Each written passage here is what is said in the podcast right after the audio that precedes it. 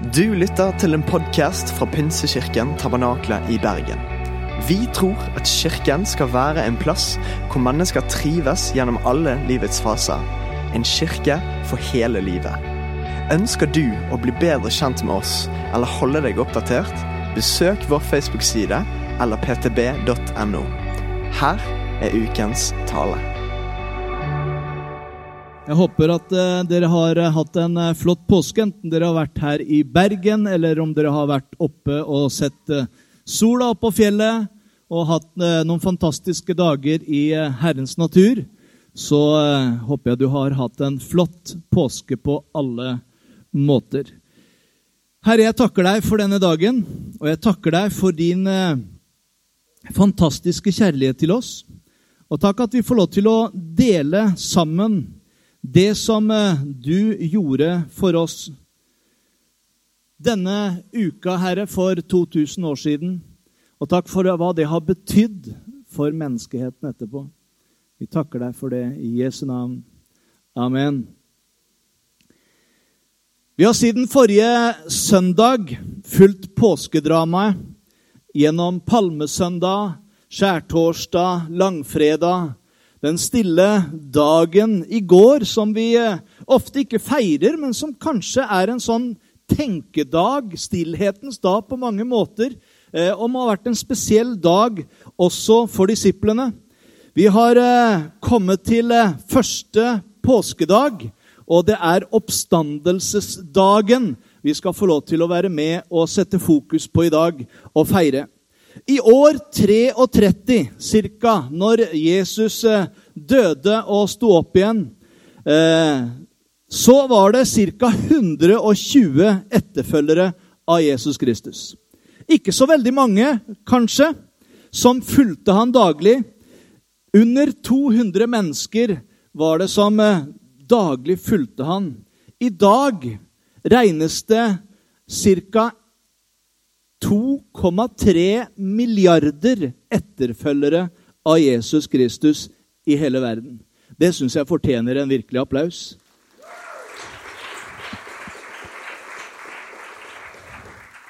Jesus startet med tolv disipler. Og disippel, det betyr egentlig lærling. En som går sammen med sin mester og lærer. Og de multipliserte seg i løpet av tre år til ca. 120 mennesker. Men eh, disse har i løpet av disse årene fått en fantastisk fart i økning. Og det er noe som er nøkkelen til denne fantastiske økningen som skjedde. Og jeg tror det har med oppstandelsen å gjøre. Hva gjorde den første kristne så smittsomme? Hva gjorde at de var så på og ikke lot noe stanse seg? Jeg tror det har med det de fikk lov til å oppleve etter denne sorgens natt på lørdag, stillheten innestengt, og fikk lov til å se hva som skjedde. 2,3 milliarder mennesker, det sier deg kanskje ingenting. Men la oss bare sette litt perspektiv på det. Med 2,3 milliarder medlemmer i den kristne kirke så er kirken større enn Kina. Ja. Ja, den er ikke bare større enn Kina, men den er større enn Europa og Kina til sammen. Ja, ikke nok med det. Den er større enn Kina og Europa og hele USA til sammen. Fikk du litt mer følelse da at vi er mange? Ja. Så mange kristne er det. Ta Gi disse her gutta en klapp igjen. da. Fantastisk.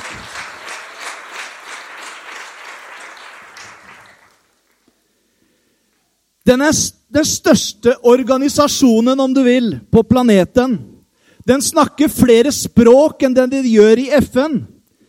Den er langt flere land enn FN. Og det er den største i planeten. Hvordan kunne den bli så stor? Jesus han skrev aldri en bok. Men flere bøker har blitt skrevet om Jesus Kristus enn noe annet menneske i historien. Bibelen er nummer én på salgslista år etter år. Jesus skrev aldri en sang eller komponerte musikk. Men mer sang og musikk har blitt skrevet om Jesus enn alle andre temaer til sammen. Jesus Kristus bygde aldri noe bygning, men flere bygg har blitt bygget til ære for Jesus enn noe annet bygning på planeten. Jeg kunne bare fortsette. Jesus malte aldri noe maleri. Jesus bygde aldri noen statuer. Men mer kunst er laget om Jesus enn noe annet i historien. Tenk på det! Jesus reiste i sin levetid aldri mer enn 350 km fra sitt hjemsted i løpet av sin tjeneste. Likevel så kan du finne etterfølgere av Jesus Kristus i nesten hver krok og krik i hele verden. Ett av tre mennesker på planeten er kristen. Hva skjedde? Oppstandelsen forandret alt. Det er den viktigste hendelsen i historien. Faktisk er vår historie delt etter Jesu hendelse, før og etter Kristus. Ja, for man begynte ikke med den regninga da, men etterpå, noen år seinere, så bestemte de seg at Jesus skulle være den som på en måte satte perspektiv på tingene. Hvordan vokste kristenheten så fort så den bredte seg fra tolv enkle menn til 2,3 milliarder mennesker? Hva gjorde de første kristne så smittsomme at de spredte seg som en ild over hele verden? Hva skjedde? Ja, svaret er dette. De hadde evangeliet, og de levde det med alt det de bar med seg. Hva er evangeliet for noe? Hva betyr evangeliet? Evangeliet er egentlig et gammelt engelsk ord som betyr good news. Evangel, altså gode nyheter. Så de bar med seg disse gode nyhetene om at Jesus var død for dem, men at Jesus hadde stått opp. Hva er det som gjør denne nyheten så bra? Hva er egentlig så bra? Eh, hva er egentlig så bra at så mange mennesker, mer enn en tredjedel av planeten, sier de vil ha det? Det Jesus gjorde for 2000 år siden ved å dø for våre synder på korset, og deretter beviste at han var Guds sønn ved å stå opp fra de døde, det ga oss seks utrolige fordeler. Og jeg har lyst til å dele noen av disse fordelene sammen med deg i dag. Det første er at jeg trenger ikke å leve med skyld og skam lenger.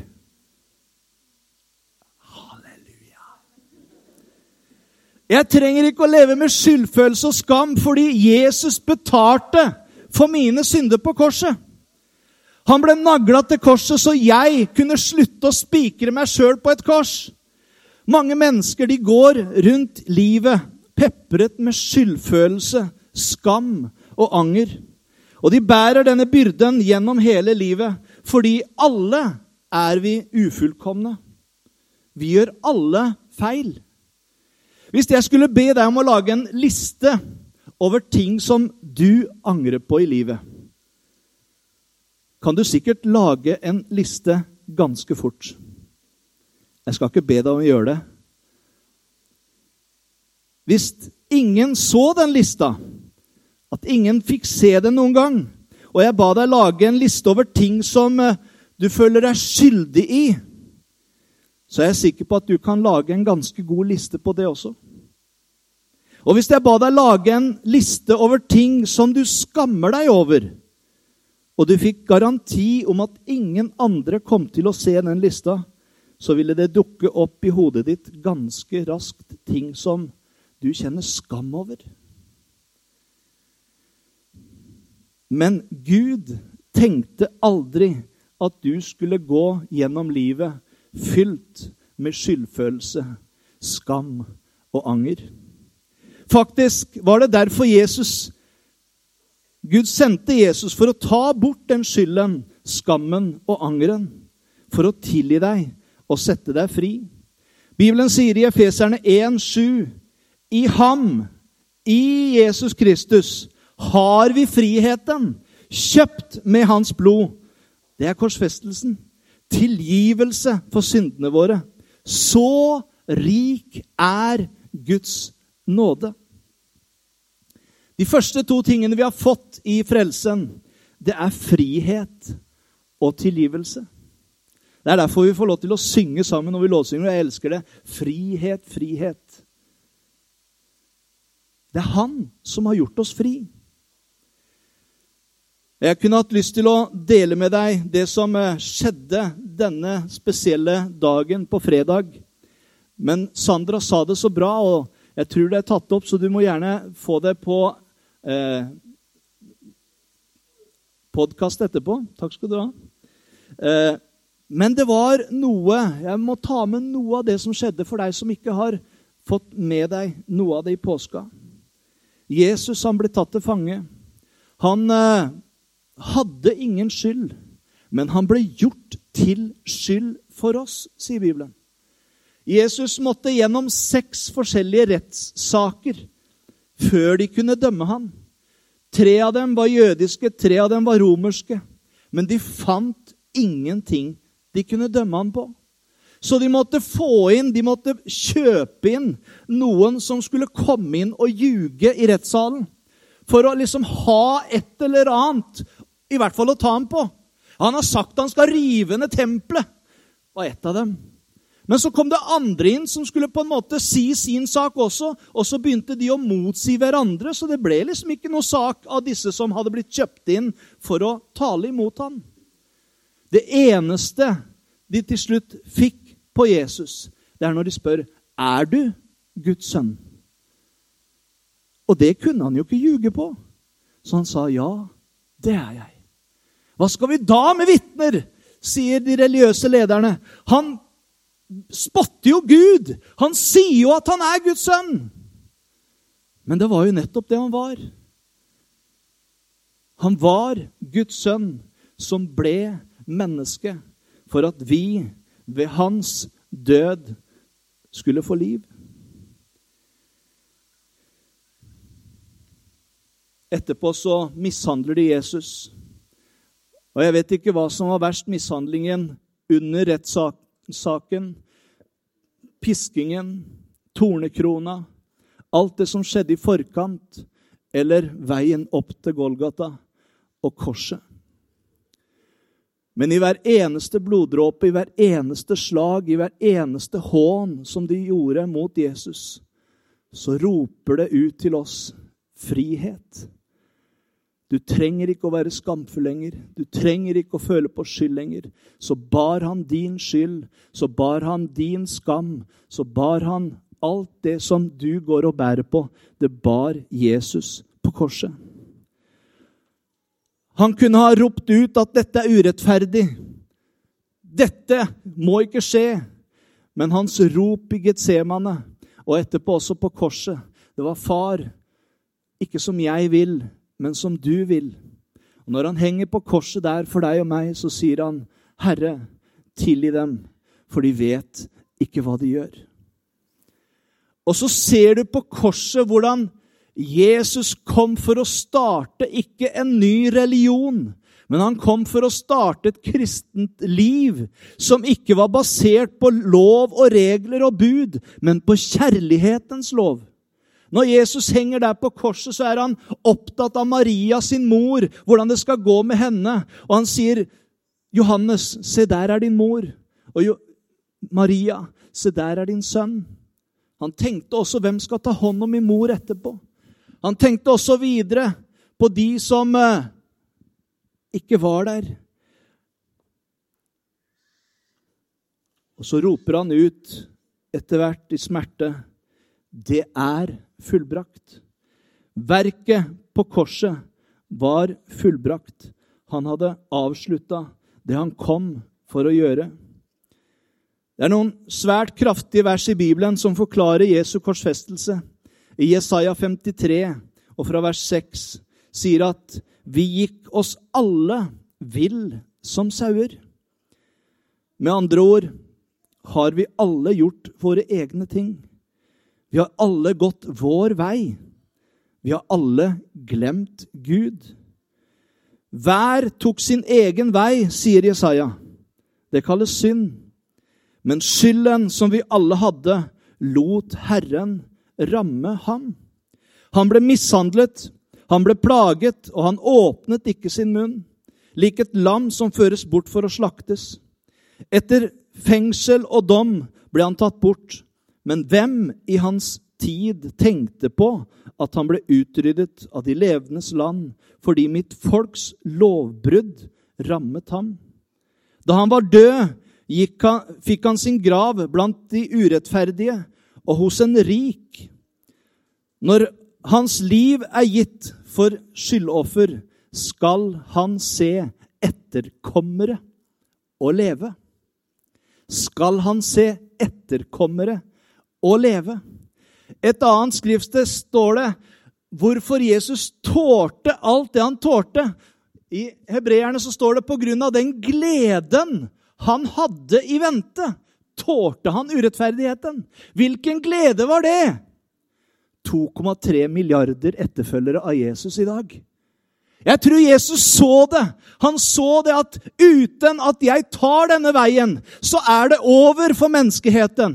Men pga. det Jesus gjorde, så får vi lov til å være frelst. Vi har fått lov til å få en kontakt med Gud igjen. Gjennom det Jesus gjorde på korset, så baner han en ny vei like inn i helligdommen. Og vi trenger ikke lenger å drive og gjøre avlat grunn av våre synder år etter år. For Jesus Jesus han var det lammet som tar bort verdens synd. En gang for alle gjorde han det på korset. Så når du kommer til han, så er du ren og rettferdig når du tar imot Jesu tilgivelse, når du tar imot Jesu nåde.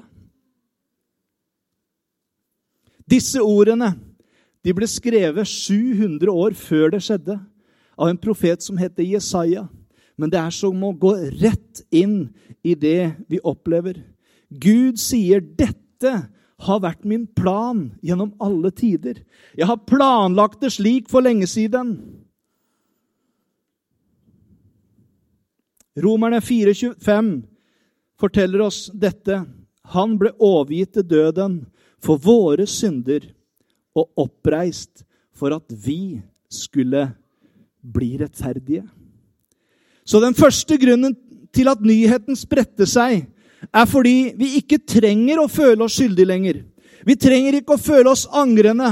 Vi trenger ikke å føle oss skamfulle over alle de ting vi har gjort lenger. Fordi Jesus har allerede betalt for det på korset. Og etter at Jesus dør, tar de kroppen hans ned, og de legger han i en grav. Og I de dager så begravde man ikke folk i jorda under bakken, men eh, de begravde dem i huler. Det var en rik mann som het Josef fra Arimathea, som lot Jesus bruke sin ubrukte grav i en hule. Og Jesu fiender går til Pilatus og sier, 'Du, Pilatus, vi er redd det kommer til å skje noe med kroppen hans.' Det er jo ganske fornuftig. Han er jo død. Noen kan stjele kroppen hans. Så fikk de den romerske guvernøren til å godta tre ting. De rullet en gigantisk stein over gravens åpning, så den ikke kunne bli flytta av en enkel person. De trengte flere for å gjøre dette. Så ble den for, eh, forseglet med det romerske forseglingen, som betydde at det var ingen andre enn romerne som kunne åpne denne graven. Og for det tredje så satte de vakter på hver side av graven. Hvor var disiplene hen? Etterfølgerne? Lærlingene hans? De tolv? De var dødsredde. De tror det ikke er sant. De tror at alt er over.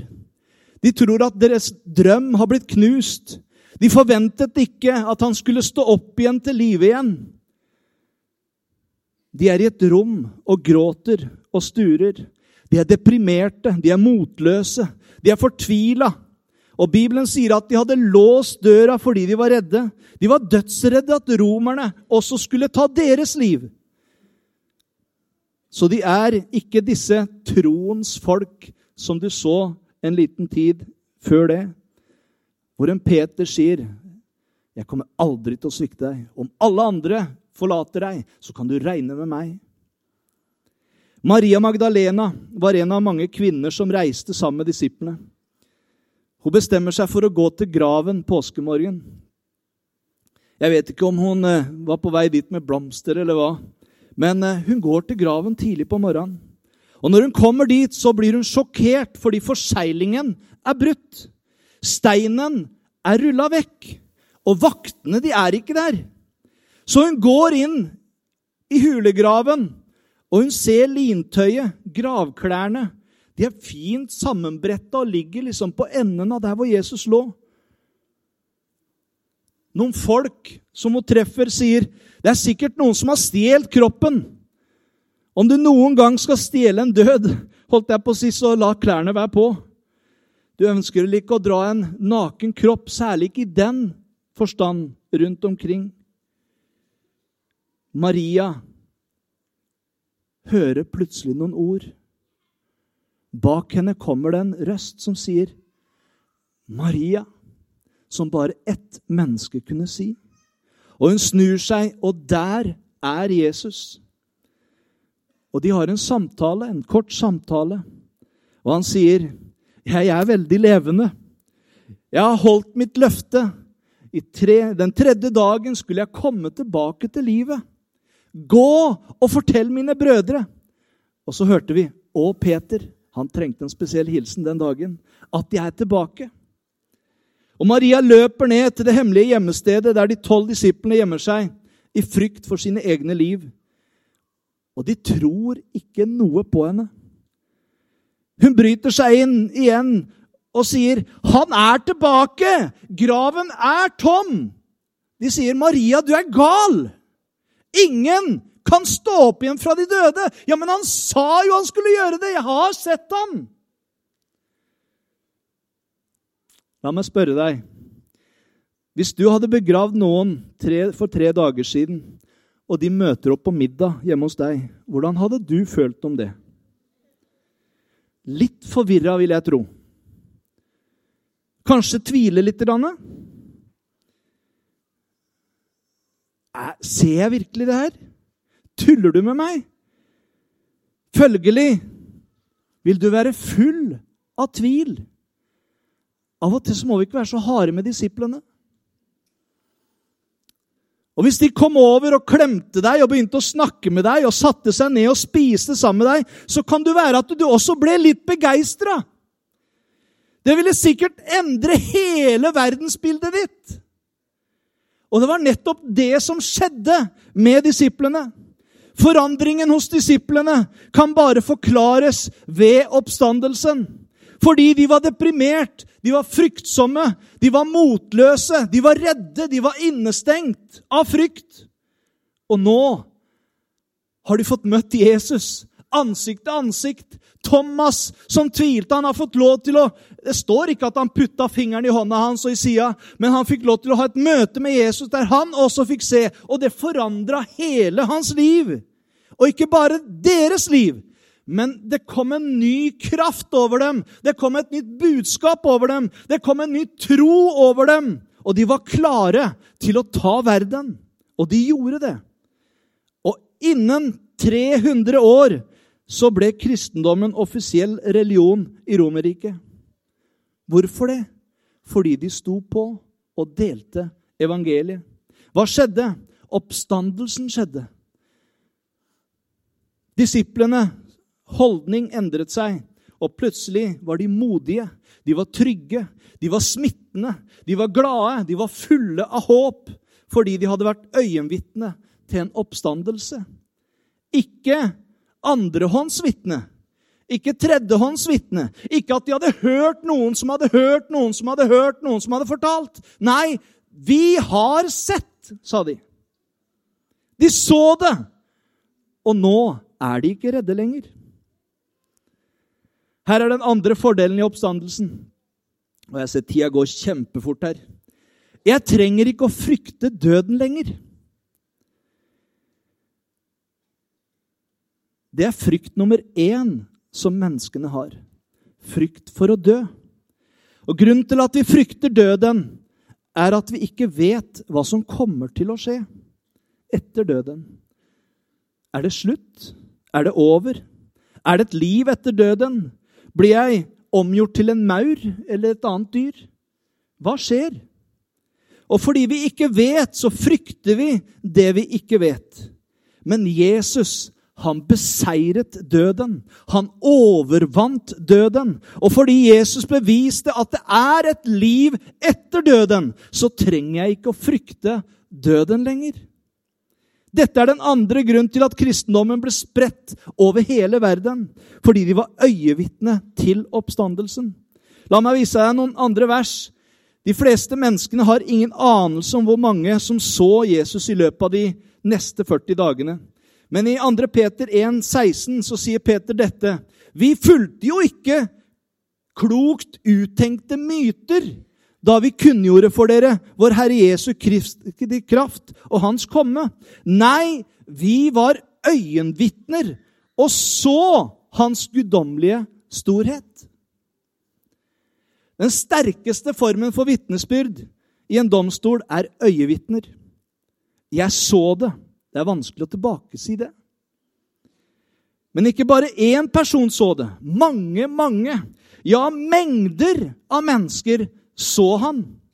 Apostlenes gjerninger 1.3 sier dette. Etter å ha lidd døden sto han levende fram med mange klare bevis på at han levde. I 40 dager viste han seg for dem og talte om det som hører Guds rike til. Dette er en av grunnene til at kristendommen vokste så raskt. Bokstavelig talt bare måneder etter oppstandelsen var det tusenvis av mennesker som var blitt kristne. Noen på noen år, titusener. Faktisk, i løpet av 20 år så regner man med at menigheten i Jerusalem bare hadde vokst til ca. 150 000 mennesker. Den ene kirken. Hvorfor? Fordi så mange mennesker hadde sett Jesus. Han kom ikke bare ut og viste seg til sine beste venner, og så dro han tilbake til himmelen. Han gikk rundt i Jerusalem i 40 dager. Hvordan hadde du opplevd om du var blant folket som hadde hengt Jesus på korset, og han gikk der borte i gata? Jeg så jo Jesus. han Putta vi ikke han inn i graven der? Men han går jo rundt her. Nå har han jo gått rundt der i over ei uke. Ja, nå har han gått snart en måned her. De så han. Så det var ikke bare noen få øyevitner. Det var 40 dager med øyenvitner. Og Paulus sier det i 1. Korinterbrev 15, 3-8. For først og fremst overga jeg til dere det jeg selv har mottatt, at Kristus døde for våre synder etter Skriftene. At han ble begravet, at han sto opp den tredje dag etter Skriftene. At han viste seg for Kefas, altså det er Peter, og deretter for de tolv. Deretter viste han seg for mer enn 500 søsken på én gang. Altså, dette er jo overveldende bevis, kalles sånt. Og det er ikke engang hele lista. Vi vet at Maria Magdalena var ved graven. Påskemorgen var det også en del kvinner som så han, og de samtalte med han. Vi vet at den ettermiddagen så møtte Peter han og samtalte med han. Vi vet om Emmaus-vandrerne som møtte Jesus på veien, og han talte til dem om Skriftene og det som hadde vært, og de ble overraska. Wow! Brant ikke hjertene våre når han bare åpna Skriften? Vi kjente jo at det var han, og plutselig så vi det. Og så løper de tilbake den veien de hadde gått, og forteller de andre. Men da har jo Jesus vært der òg. Venner, dette er det som kalles avgjørende bevis. Det det kalles ugjendrivelige bevis. Det ville stå seg i enhver domstol i enhver nasjon. Og Hvis jeg skulle fortelle deg at uh, i går gikk jeg ned i Bergen sentrum, og der, ved den blå steinen ved Torgallmenningen, så så jeg uh, kong Felipe av Spania så ville du tenke nå har det rabla for Benjamin. Og slutt å tulle, Benjamin. Nå går det litt rundt for deg. Har du sovet litt lite? Du kan jo ikke ha sett kong Felipe av Spania på Torgallmenningen. Men hvis 900 andre kom og sa det samme til deg, så ville du ikke være så overraska. Og det er det som skjedde med Jesus. Det var mange som fikk oppleve Jesus levende. Disse gutta de var ikke redde lenger. Ikke disse jentene heller. Kristendommen spredte seg fra 12 mennesker til 2,3 milliarder mennesker fordi det var flere øyenvitner, og de var villige til å dø for det. Fordi det var det som skjedde. Den tredje fordelen i oppstandelsen er at jeg får Guds ånd i meg. Bli i Jerusalem, sa Jesus til dem, til dere blir utrusta med kraft ifra det høye. Og de ville trenge det. For i de neste 300 årene til kristendommen ble statsreligion i Romerriket, så var det å si at jeg var en kristen, det var som å gi deg dødsdommen. Det var forbudt å være kristen. Og de fleste kristne i den tida de var villige ikke bare til å leve for Jesus, men også å dø for Jesus. Derfor så kunne Paulus si av og til så leser vi det, vi forstår ikke helt hvorfor og sammenhengen. Men han sa om jeg lever, så lever jeg for Herren. Om jeg dør, så dør jeg for Herren. Enten jeg nå lever eller dør, så hører jeg Herren til! Og det er verdt det! Hvorfor det? For jeg har sett at han lever. Ja, Hadde han sett han, sier du? Ja, han møtte ham på vei til Damaskus. Han var en terrorist. Vi snakker om IS i dag, men Paulus var en sånn type.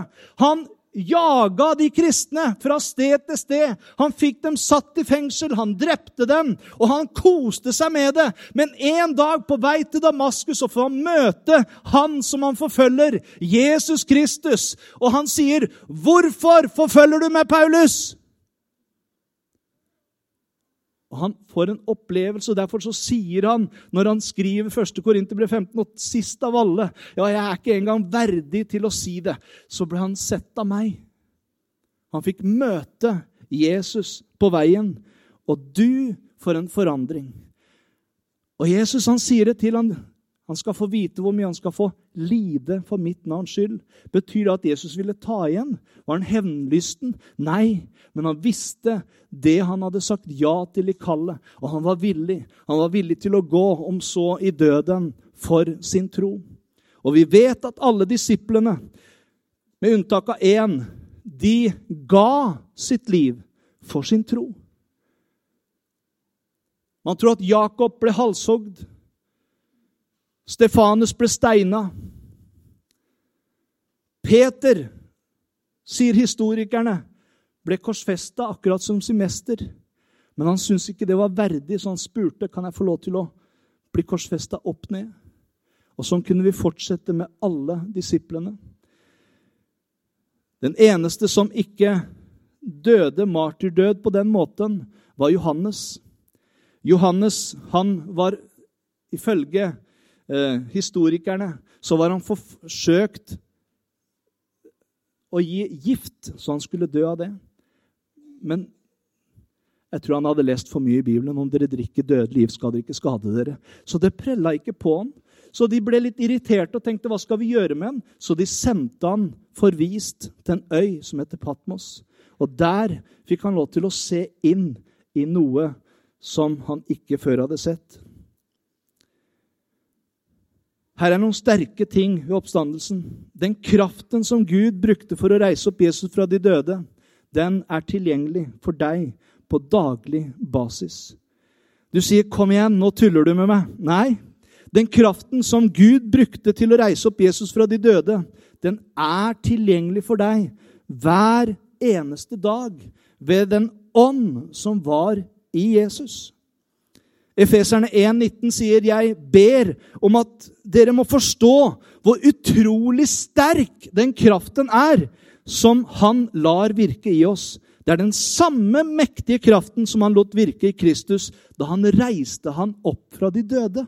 Kan du tenke deg den kraften som reiste Jesus opp fra de døde, den flytter inn i deg når du tar imot Jesus. Den hellige ånds kraft. Han fyller deg etterpå og lar deg få lov til å oppleve den kraften. Hva er kraften i oppstandelsen? Hva er denne kraften som er tilgjengelig for deg? Kraften i oppstandelsen er kraften til å bli fri fra din fortid. Det er kraften til å starte på nytt. Det er kraften til å endre din personlighet, som du tenker den kan aldri endres. Jo, kraften i Den hellige ånd kan gjøre det.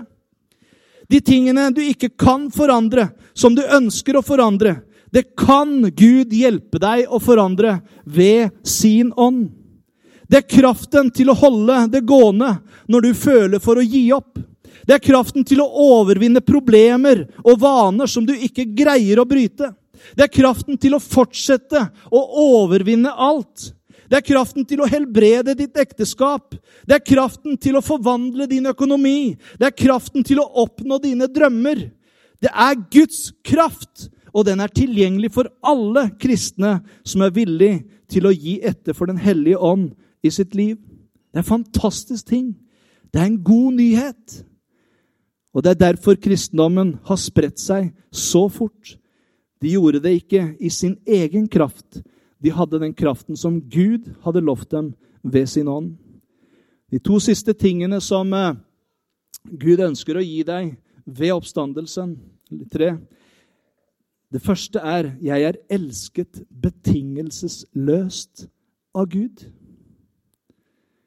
Gud er kjærlighet, sier Bibelen. Og Gud sier 'Jeg skapte deg for å elske deg'. Og Det eneste grunnen til at hjertet ditt slår akkurat nå, det er fordi Gud elsker deg. Alt du har i livet ditt, er fordi Gud elsker deg. Du har ikke fortjent det. Gud ga deg det. Du sier, 'Vel, jeg har jo jobba for det.' Men hvor fikk du evnen til å jobbe fra? Du ba ikke om å bli født inn i frihet, men du ble det. Alt er en gave av Guds kjærlighet til deg, og Gud har aldri sluttet å elske deg. For så høyt har Gud elsket verden at han ga sin sønn den enbårne, for at hver den som tror på han, ikke skal gå fortapt, men ha evig liv. Jesus sa, 'Jeg har ikke kommet for å fordømme deg.' 'Jeg har, sette, jeg har ikke kommet for å sette deg på plass.' 'Jeg har kommet for å frelse deg.' Det er budskapet om kjærlighet. Det budskapet om kjærlighet forårsaket at folk vendte seg til ham på alle mulige måter. Gud vil at du skal kjenne og føle hans kjærlighet. Og hvis du virkelig lar Gud legge sin ånd av kjærlighet i deg, så vil du bli forvandlet. Når Jesus sendte ut sine, så sa han dem, 'Et nytt bud gir dere.' Jeg sa at religion er bygd på lover og regler. Men når Jesus kom med evangeliet, så var det bygd på en annen lov. Og Jesus sier et nytt bud gir jeg dere. Dere skal elske hverandre. Den som har elsket, som jeg har elsket dere, skal dere elske hverandre. Og ved dette skal alle forstå at dere er mine disipler, at dere har kjærlighet til hverandre. Jeg kan få lov til å leve et liv med mål og mening på grunn av det som Jesus gjorde. Jeg kan leve nå et liv med mål og mening Gud har skapt deg. Og inntil du forstår det, så kommer du ikke til å komme inn i det som er meningen med livet ditt. De fleste mennesker har ingen anelse om hva de lever for. De har mye å leve på, men mange ganger ikke noe å leve for. De fleste har aldri avklart hva de er villige til å dø for, men det hadde disiplene gjort. Og du er ikke klar til å leve, er det en som har sagt, før du vet hva du er villig til å dø for.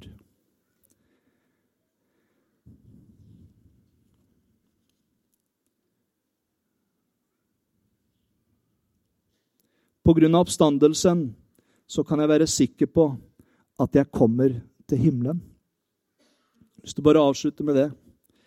Jeg kan være sikker på at jeg kommer til himmelen. Jeg trenger ikke å gå gjennom livet og lure. Dette har jeg skrevet til dere, sier Jesus, for at dere skal vite at dere har evig liv, dere som tror på meg.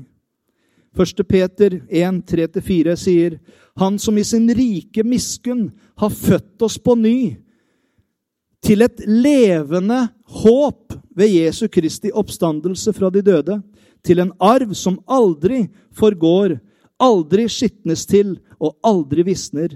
Den er gjemt i himmelen for dere. Johannes, som skrev den siste boka i Bibelen, som kalles åpenbaringsboka, den er skrevet i svært billedlig språk fordi det er vanskelig å beskrive hvordan fremtiden blir. Du har sikkert lest en del bøker om eh, himmelen og folk som har vært i himmelen og forklart hvordan det er der. Men eh, jeg vet ikke hvor mye vi skal tro på det eller ikke. Hvis vi skal velge å tro Bibelen, da Det tror jeg du har lyst til å gjøre. Vet du hva Bibelen sier? Det intet øye så, og intet øre har hørt. Det som ikke kom opp i noe menneskehjerte, det som Gud har gjort ferdig for den som elsker ham. Vi kan ikke, vi kan ikke tenke oss det. Vi kan ikke finne det ut. Vi kan liksom ikke greie å Det er en helt annen sfære. Det er som om en maur skulle prøve å forklare Internett. Altså, det, det går bare ikke. Vi er ikke der. Det er så perfekt, det er så fantastisk, det Gud har gjort.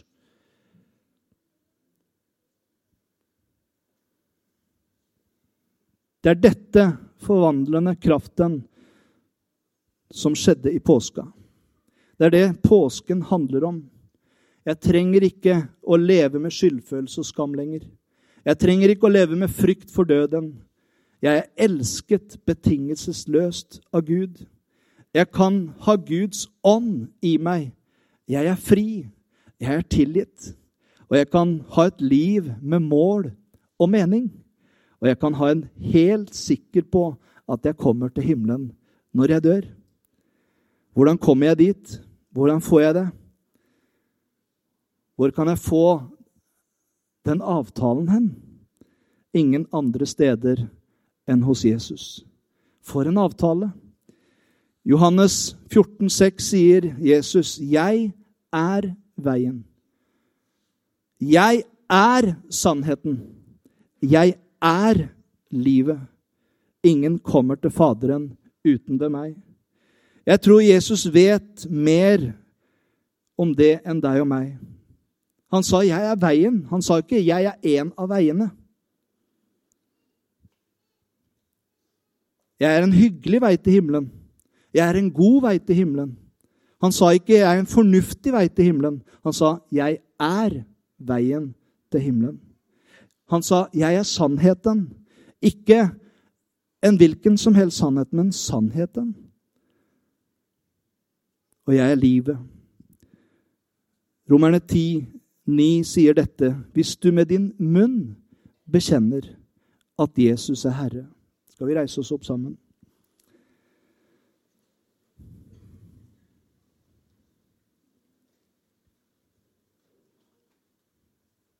Det betyr at han er den han sa han var. Jeg er Gud i menneskelig form. Jeg kom til jorden for å dø for deg. For hvis du med din munn bekjenner at Jesus er Herre, og i ditt hjerte tror at Gud har oppreist ham fra de døde, da skal du bli frelst.